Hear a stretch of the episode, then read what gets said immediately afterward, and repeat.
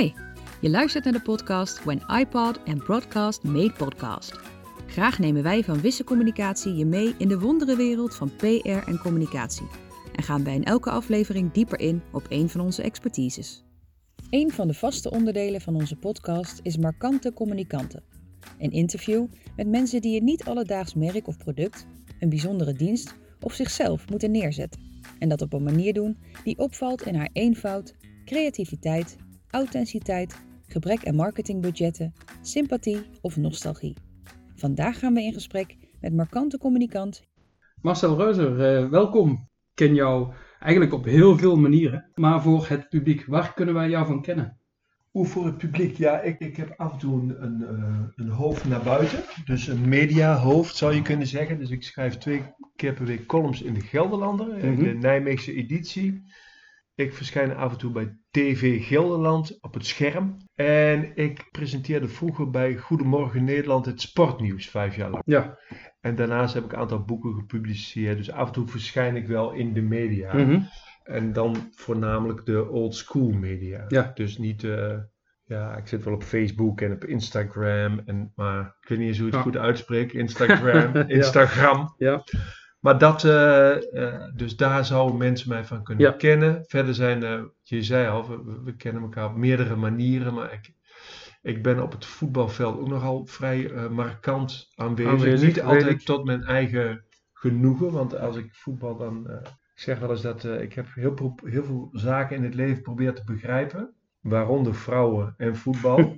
bij vrouwen is dat niet gelukt en bij voetbal in, in grote mate. Ja. Dus voetbal is iets wat ik helemaal snap, wat ik begrijp. Mhm. En ik, ik heb nog altijd het doel om eh, de voetbalvariant van de renner van Tim Krabbe te schrijven. Ja, oké. Nou, ja. En ik heb, ben al een keer aan begonnen. Ja. In 1994 heb ik een seizoen van UniVV beschreven. Ja. Dat is, hoe, moet je nagaan hoe lang dat geleden Ja, is. ja. Ja. En dan ook Maar goed. Daar ja. heb ik ergens een, ja, maar daar heb ik ergens een, eh, een eh, manuscriptje nog liggen, maar dat, is, Mhm. dat durf ik bijna niet aan te pakken, zo Ja. slecht is dat. Maar goed, dat, Ja. eh, daarvan zou je mij kunnen kennen. Maar wat ben je dan? Schrijver, journalist, columnist, interviewtrainer, eh, docent? Ja. Noem even, want in al die hoedanigheden ken ik jou. Wat is jouw ja, merk? Ja, dat heb ik dus niet. Nee. Ik zou heel benieuwd zijn hoe jij als professional daar, zeg maar, een soort iets op zou kunnen zeggen. Ja. Maar ik, ik ben, eh, de ene keer ben ik dit, de andere keer ben ik Ja, dat. ja precies. Ja. Dus- Nou ja, goed, dat is ook een merk, een, een alleskunner. Ja. Ehm, ik ken jou in eerste instantie, nou, behalve los van het voetbalveld, als interviewtrainer die bij Wisse de mensen tot tranen toe de interviewtechnieken heeft bijgebracht. Ja. En daarbij ook echt onder de huid ging zitten. Dus eh, als journalistiek harde interviewer ken ik jou, maar op een milde manier. En natuurlijk als schrijver Ja, inmiddels ook. ja. Dus ik ben, eh, ik heb ook een, nu, ik heb een aantal sportboeken geschreven. Ik ben ook een, eh, ik heb een roman geschreven. Dat wilde ik ook allemaal heel graag. En eh, ja, dat, als schrijver heb ik dus eigenlijk als, eh, ik denk dat mijn boek goed genoeg is. Mijn laatste boek, Het Mhm. Blauwe Wonder. Alleen eh, dat daar eh, in de communicatie of in de marketing, Marketing, ja. gaat daar gewoon eh, iets fout waar ik ook geen, daar heb je geen, Ja. eh, geen, eh, geen macht over. Hoe kan dat dat? gevoel heb ik. Ben jij niet groot genoeg in het wereldje? Dat klopt. Ja, Ja. Ja. Er is een heel mooi voorbeeld. Begin maart zat ik de wereld door te kijken met mijn vriendin. Mijn boek lag bij de drukker. En het zou eh, eind maart gepresenteerd worden op een Mhm. veerboot tussen Ja. Millingen. ja. Want daar speelde het zich af. Ik had een heel grote veerboot afgehuurd. Er konden 120 mensen, 130 mensen op. Die had ik ook allemaal uitgenodigd. ja. En ik zat me te verkneukelen. Corona kwam eraan, maar dat wist nog niemand. Ik had al eh, meegekregen dat het heel moeilijk was om een recensie te krijgen in landelijke dagbladen. Mhm.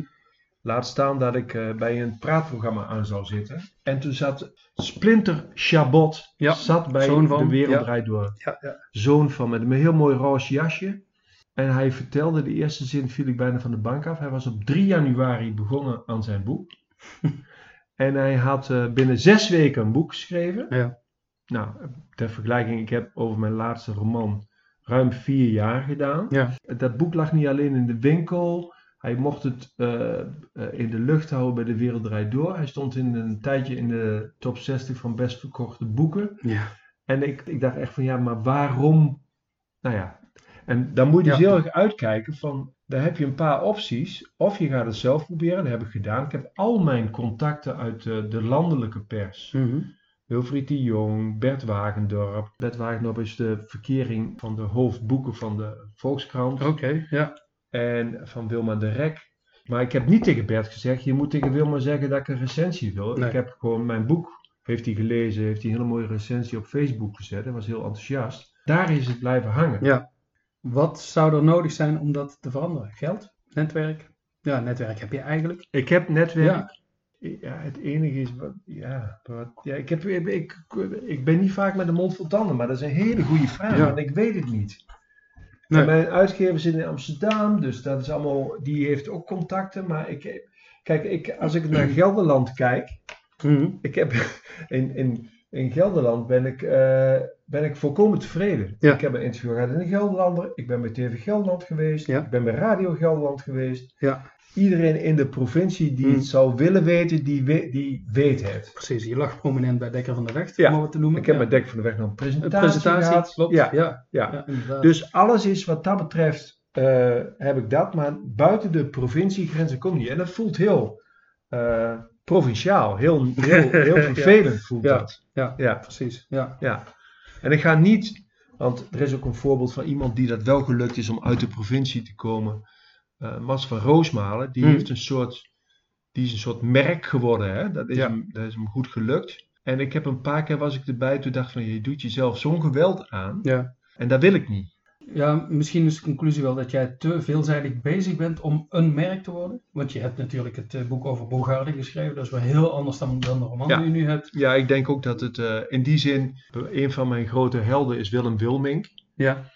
Ik schrijf ook poëzie, Mhm. ik schrijf kinderverhalen en ik ben niet beroemd, maar Ja. ik heb wel eenzelfde instelling, denk ik. Ja. Dus en boeken schrijven en ja, ik zie daar wel een, een parallel. Mhm.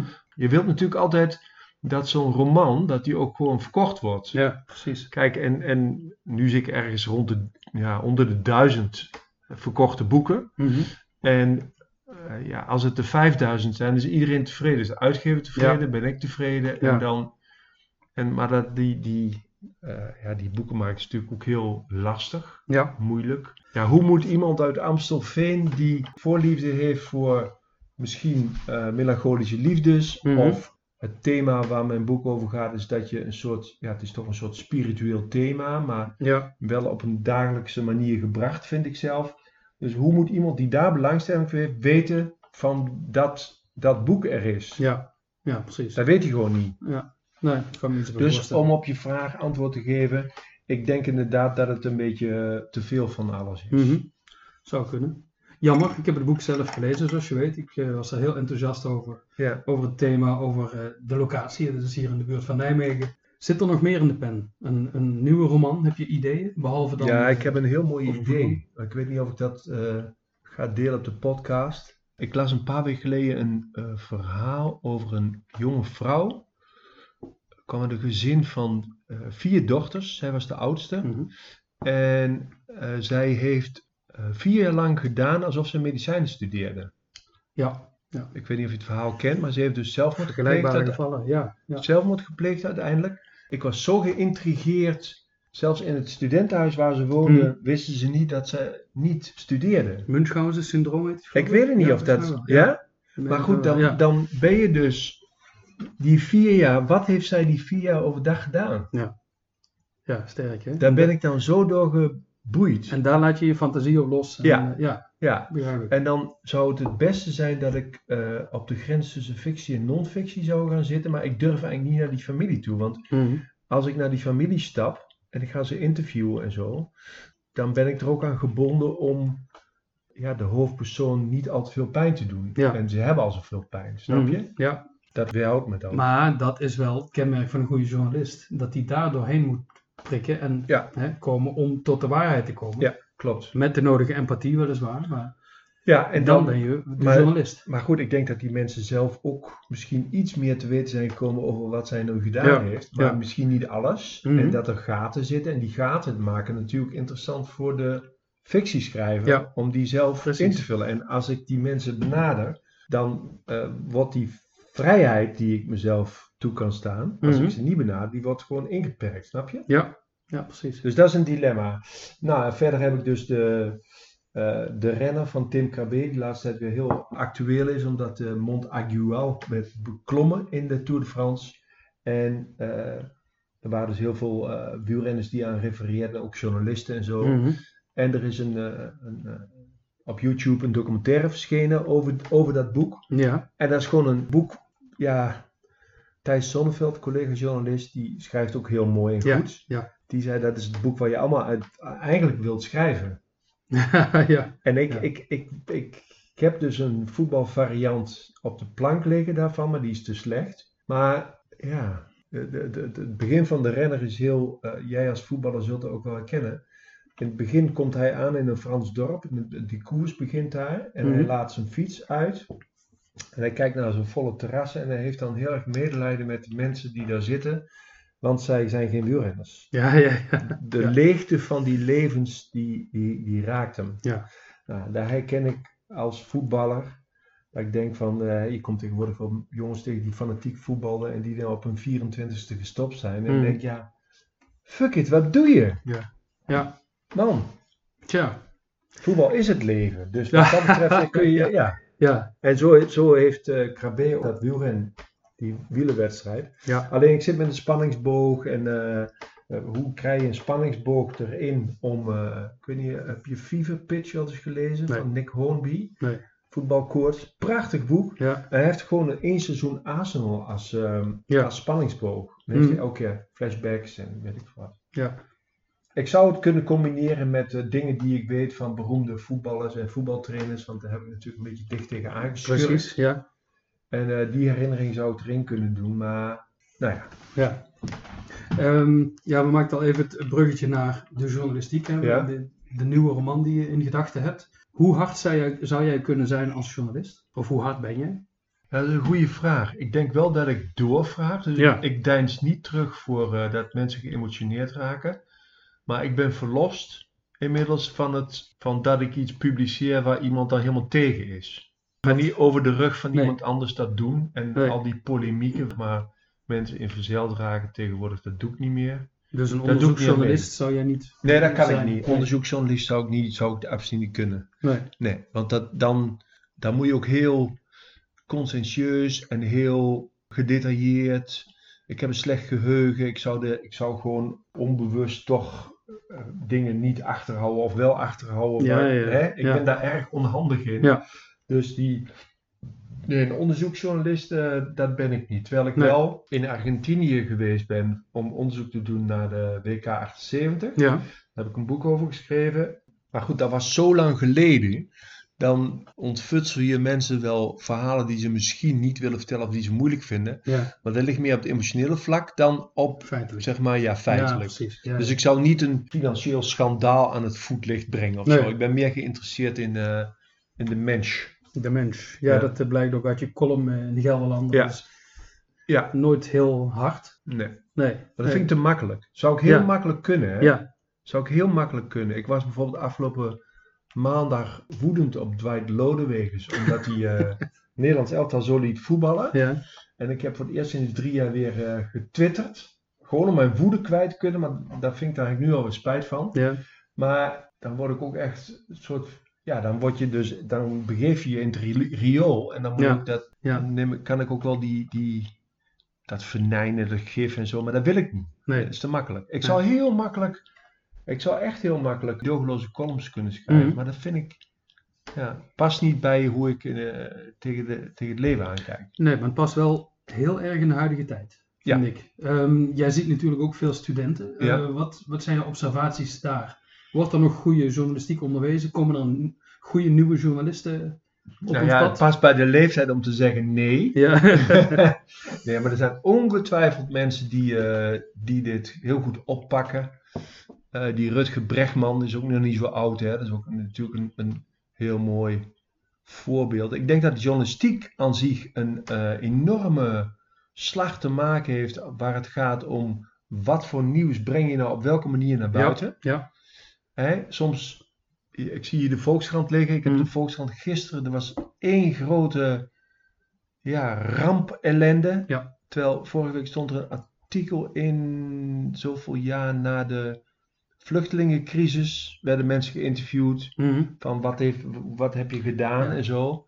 En ik denk, ja, zoveel verhalen zijn, zo, er zijn heel veel meer goede verhalen dan slechte verhalen, maar ze blijven maar gefixeerd op dat slechte. Ja, klopt. Ik zeg dat je moet natuurlijk, moet je, hè, maar nieuws is niet per, se, per definitie slecht nieuws. Nee. Dus goed nieuws is geen nieuws, nieuws, moet geen nieuws. Ja, ja. ja. zo werkt het. nou, zo Philip Freriks, die, eh, Ja. eh, die probeert daar nu iets aan te doen. Maar ik denk niet dat het goed komt, maar ik dwaal af van jouw vraag. Tuurlijk zijn er goede jonge mensen die, die zich daarop gaan storten. ja, Tuurlijk. die volgens mij enorm gehinderd worden door fake news.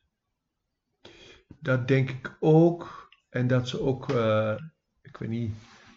Ik, ik dacht vroeger ook dat ik het wist. ja, ja.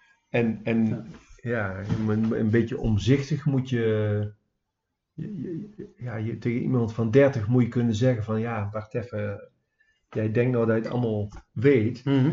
Ik werk heel veel met studenten die, eh, die zijn dan zeg maar tussen de 21 en 25. En die zijn niet, de- dat zijn niet de journalistiek studenten, maar dat zijn de zeg maar, gemiddelde studenten die eh, iets met sport studeren. Die zijn heel erg overtuigd van hun eigen gelijk. Ja. En waar dat gelijk dan ook ligt. En dat is misschien, ja, daar probeer ik dan wel eh, op mijn manier iets aan te doen. Mhm. Ze aan het denken te zetten. Maar dat klinkt dan ook weer zo stichtelijk dat ik denk, nou, Ja. ja, maar ik snap wat je bedoelt. Ja. Ik bedoel, ik ben ook bijna 50 en ik maak het ook mee. Eh, ja. maar aan de andere kant, het geldt ook voor ons. Ook wij zitten vast in eh, ideeën, tradities. dat- ja, zo werkt het ook. Nou, ik Ehm. snap zo'n opmerking, Serge, snap ik ook eh, steeds beter dat een oud iemand zegt, ja, ik weet het gewoon niet. Mhm. Dus daar kom ik toch steeds vaker bij in de buurt. Dat ik denk van ja, ik, ik kijk, ten eerste oordeel ik heel snel. En ten tweede eh, oreer ik naar buiten toe. Maar Ja. als ik dan één seconde pak en denk er even over na, denk ik ja, wat wil ik daar nou van? Ik bedoel, mm, ik hoorde net op de radio een, een reportage over, er is een boek verschenen over hoe wij de crisis aan hebben gepakt. Oh. En met name de regering. Ja. 50 mensen geïnterviewd. Rutte wilde niet. En dan denk ik van ja. eh dan roept iemand van eh, ja, die Rutte, eh, de kunst naar het kloten geholpen, het onderwijs naar het kloten geholpen. Ik denk, Mhm. ja, voor een deel denk ik dat dat klopt. Maar dat neoliberale, dat, dat moet zo snel mogelijk verdwijnen. Alleen, ga er maar eens aan staan. Ja. Precies. Ga maar eens op zijn, op zijn stoel zitten. Ik zou echt, ik zou er geen dag voor houden. Nee. nee. Dus ik, heb, ik probeer wel met compassie daarnaar te kijken. Mhm. Maar goed, dan ga je de wereld niet meer veranderen met compassie, denk ik. Nee. Eh, dan ben ik even de, de, de draad kwijt. maar Ik ben je nu al van de draad, ik heb je nu ja. al van de draad gebracht. Goed zo. Nou ja, ik heb wel nog. eh, ik had nog een vraag genoteerd. Naar aanleiding van je boek. En meer bepaald een. Ik vond het een heel zure recensie op jouw boek. Nogmaals, Ja. ik heb het zelf gelezen. Ja. Ehm, hoe ga je daarmee om? Nou, ik heb wel even een slecht weekend gehad. Dankzij eh, die jongen die is namelijk nu niet gaan noemen. Nee. Maar die, eh, ja, die had dus op eh Ugenda, de, Ja. de uitkrantje van Nijmegen, hele zure recensie. En ik, ik weet nog dat ik op de Daalse weg liep, kreeg je van iemand een appje. Heb je het al gelezen? Nou, had ik nog niet. En toen, ik heb hem één keer doorgelezen. En ja, eerst word je natuurlijk boos. Ja. Ik denk dat ik boos, vooral boos ben op het onrechtvaardige. Ja. Want waar zat dan dat in? De, het onrechtvaardige? Ja. Nou, het was een recensie alsof ik Harry Mulisch was en hij, eh Ja. hoe heet die, Arjan Peters. ja, ja, ja. En hij wil heel graag tot een, eh, dat zag ik ook aan zijn, aan zijn manier van schrijven, hij wil heel graag een, een, een hoog aangeschreven recensent zijn. Dat Mhm. is hij niet. En ik wil natuurlijk een hoog aangeschreven roman, romanschrijver zijn, maar dat ben ik ook nog niet. Nee. Eh, en ik vond het eh, ongenuanceerd, eh gestrekt been erin, boven de enkels. Meer metaforen van voetbal kan ik niet verzinnen. Ja. En ehm, ja, het was heel, heel naar en vervelend omdat je ook machteloos bent. En ik sta natuurlijk vaak aan de andere kant. Ik schrijf ook wel eens over het buikje van Hubert Bruls. Ja. En dan denk van, ja, die man die hoort dat zo vaak, dat, Ja. daar wordt hij ook niet blij van. Of ik heb ook best wel eens mensen geraakt in een column die dan daardoor ook verdrietig werd. Dus ik kan me ook de andere kant voorstellen, snap je? Ja, ja. Maar ik vond dit, eh, deze jongen heeft denk ik nooit, ja het is niet gepast. Ik denk dat het heel erg, eh, dat ik het kon handelen, omdat ik heel erg zag van, hij doet heel groot, maar hij is Ja. heel klein. Ja. En daardoor kon ik het handelen. En het tweede was dat ik dacht van, ik heb geen invloed over eh, waar die recensie verschijnt, wie hem leest, enzovoort, enzovoort. Nee, dus ik, ik, ik moet dit negeren. ja. En dat is me uiteindelijk goed gelukt. Ja, nou ja, misschien een geruststelling. Ik heb en de recensie gelezen en het boek. Ja. Als je alleen de recensie leest, denk je, ja, moet ik dat boek kopen? Ja. Eh, als je het boek erbij hebt gelezen, dan denk je, de recensie slaat nergens op. Nee. Dus eh, misschien is dat eh enige Nou, troost. Heel fijn om te Ja. horen. Dat zijn, in- inderdaad, dat zijn, dat zijn kleine bronnen van troost, maar dat drink ik wel graag uit. Want dat is natuurlijk wel, met zo'n roman geef je jezelf heel erg bloot. Mhm. En iemand anders die, ja, die, wat doet die dan eigenlijk? Daar heb ik ook wel over nagedacht. Waarom raakt het zo diep? Hoe, hoe geef je je bloot? Het Duitsland verleden, dat zit erin. Want je hebt er ook een vorig boek over geschreven, over Ja. je vader. Dat Duitsland verleden, nou, je probeert iemand mee te nemen in dat verhaal. En dan probeer je iemand aan het denken te zetten over van, ja, maar wat, ja, wat, wat is er dan Ja. Is er alleen maar leegte of is er nog Ja. iets meer? Of, nou ja, er zit ook een soort hoop in dat er meer is. En, ja, en als iemand die vraagt dan eigenlijk op een cynische manier reageert van, ja, jouw vraag klopt niet en je antwoord ook niet en je Mhm. verhaal niet. En dan denk ik van, ja, en je kunt niet schrijven en wat schreef hij allemaal nog meer? Dan denk ik, ja, Ja. Dan, dan moet ik dat een beetje naast me neerleggen. Ja, nee, terecht. En dan denk ik van, ja, dit is meer jouw probleem dan mijn probleem. Precies. Alleen publicitair, Is eh, het qua vervelend? marketing Ja. is het echt vervelend. Ja, ja. Dat snap ik. Ja. Maar hij haalde dingen aan waarvan ik denk, dat is de dichterlijke vrijheid. De, de, de vrijheid van de Ja. romancier. Ja. Ook En dan ging ik ook allemaal voorbeelden be- eh, noemen waarin ik, nou ja, ik, ik heb het één, ik heb hem één keer gelezen, dus ik zou echt niet precies weten wat erin staat. Maar Nee. alleen het was, eh, ik moet eerlijk bekennen dat het een dreun was. Ja, En eh, dat ik daarna eh, geprobeerd heb om er volwassen mee om te gaan. Maar als dit me op het voetbalveld was overkomen, Serge, dan had het. jij waarschijnlijk wel een beeld van hoe ik, die, hoe ik dit aan was Ja, gevlogen. je, je strekt been boven de enkels. Hè? Ja, Ja. dat misschien, maar ook gewoon wel, had ik wel echt ruzie met me gemaakt. Ja. Ja. Want ik heb, ja. Ja. Nee, ik snap hem. Dat begrijp ik ook. Fijn dat we zijn naam nog niet genoemd hebben, dat gaan we ook niet doen. Als laatste vraag, er, is, ja, er zijn heel veel merken, profielen zeg maar, eh, van jou voorbij gekomen. Ben je er tevreden mee om al die profielen of imago's in stand te houden? Of zou je denken van, ja, ik wil toch erkenning, commerciële erkenning misschien. Ik ga focussen op één van die profielen. Dat is een hele moeilijke vraag, want ik, ik denk dat ik niet ben van de focus. Ik denk dat, dat ik een soort speelsheid nodig heb om eh, creatief te kunnen Hmm. blijven. En dat als het bloed serieus wordt, stel dat ik zomergasten eh, de interviews af moet nemen, dan word je natuurlijk helemaal eh gefileerd door alles en iedereen, Ja. omdat je dan een soort gemeenschappelijk bezit. Terwijl ik dat wel zou kunnen. Ik zou dat, Ja. ik, ik, zonder arrogant te zijn, Ja, maar ja, ik dat- denk wel dat dat, ik dat zou ook. kunnen. Ja. Kijk, Wilfried de Jong, die is bijvoorbeeld, die, ik denk ook dat het voordeel is dat hij uit Rotterdam komt. Mhm. Dat hij eh, in Rotterdam een soort plaatselijke bekendheid had en toen naar Hilversum over kon stappen. Ja. Dus wij zijn ongeveer even oud. Mhm. Eh, hij is precies één jaar ouder. En ik ken Ja. hem goed. En ik zie ook de weegschaal. Hè, die, ik geloof daar niet heel erg in, maar hij is ook een beetje zo'n twijfelaar. En, eh, en ik zie ook wel de creatieve lijn terug. ja. En dan denk ik van ja, die heeft, die, hij heeft het enorm goed gedaan met zijn talenten. Ja. En ik denk dat ik een paar van die talenten ook wel heb, maar dat, het, dat mijn leven gewoon anders gelopen is. Ja. En dat, dat, Nou, hij stond al op de radar met Waardenberg en de Jong. Ja, En, precies, hè, de- precies, De, de ja. dingen met Matthijs, Matthijs van Nieuwkerk, daar sta je meteen vol in de picture. Ja, en Ja. ik denk dat hij, als ik dat dan vergelijk, dat hij iets talentvoller is qua, Eigen marketing. ja misschien. Nou ja, ik heb een heel bitter voorbeeld. Ik had een boek geschreven over eh, Guus Hiddink. Mhm. Ik had eh, bedacht, toen had Wilfried nog dat eh Holland Sport. Ja. Matthijs was al weg. Mhm. Ik zei nou, als we dan, we spraken in die tijd, spraken we elkaar veel. Dan weet je, dan moet je misschien een, een programma wijden, want er staat nog wat nieuws in het boek en zo. En dan krijg jij het boek als manuscript. Ja. En dan kun je gewoon een programma rondom die presentatie vaststellen. Doe de presentatie ook in de plantage Kerklaan, waar dat Mhm. programma op werd genomen en wij er met een ploeg naartoe. Het begon, die dag begon al dat eh, er was geen plaats voor mijn mensen, want Guus had ook mensen uitgenodigd en die hadden natuurlijk voorrang. Ja. Vond niet, daar kon Wilfried niks aan doen, maar goed.